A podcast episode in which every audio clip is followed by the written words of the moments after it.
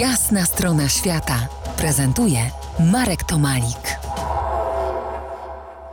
Po jasnej stronie świata Artur Owczarski, autor książek o podróżach. Dziś y, podążamy tropem jednej z y, tych książek. Teksas to stan umysłu. Na zakończenie teksańskich opowieści porozmawiajmy, tak na rozluźnienie, o winach. Teksas to piąty producent wina w Stanach.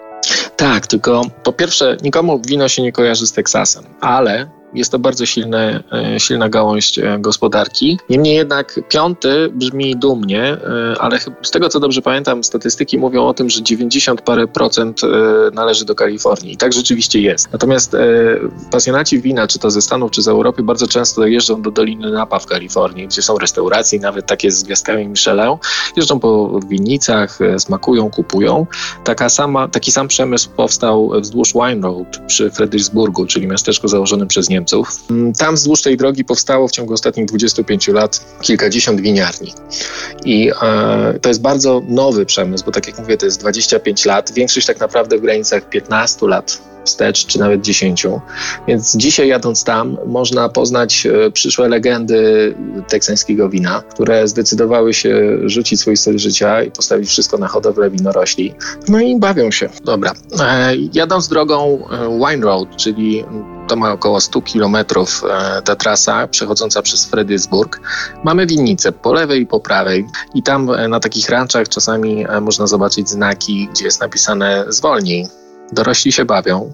Na żółtym tle widać e, postać czarną kobiety, która trzyma e, kieliszek wina i ciągnie za sobą e, postać mężczyzny, który trzyma w ręku butelkę wina. Biegną gdzieś w jakąś siną dal i, i jest to dosyć zabawne, no bo gdy zbierzamy w stronę winnicy, w stronę punktu degustacji wina, mamy polecenie, żeby zwolnić, bo dorośli się bawią. To oczywiście nie ma miejsca. To są spokojne miejsca, bardzo można by je porównać trochę do Toskanii, gdyby zapomnieć o krajobrazie, bo jest on trochę inny, ale bardzo urokliwe i, i takie rolniczo, jakby to się powiedziało, wolno, w wolnym stylu się tam żyje.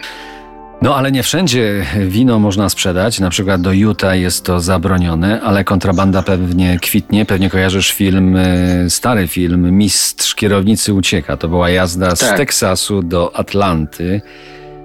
Tak. Nie z winem, ale z piwem. Tak, e, każdy stan ma swoje prawo, jeśli chodzi o liczbę butelek alkoholu i to też różnego alkoholu, które można nadać z winnicy od producenta ze sklepu do tego stanu. Niektóre ograniczają się do skrzynki miesięcznie, inne się ograniczają do kilku skrzynek miesięcznie. Natomiast e, prawo, jeśli chodzi o alkohol, w każdym stanie jest inne. Dlatego e, przyjezdni z różnych stanów amerykańskich mają inne obostrzenia. No to nie tylko powino do Teksasu. Przypomnę, że gościem Jasnej Strony Świata był Artur Owczarski, autor książki Teksas to stan umysłu. Bardzo Ci dziękuję, Arturze. Ja również ślicznie dziękuję. A teraz na zakończenie y, posłuchajmy właśnie tematu z filmu Mistrz Kierownicy Ucieka. Po angielsku się to nazywa, czy po amerykańsku Smokey and the Bandit z 1997 roku. Była jasna strona świata w RMF Classic.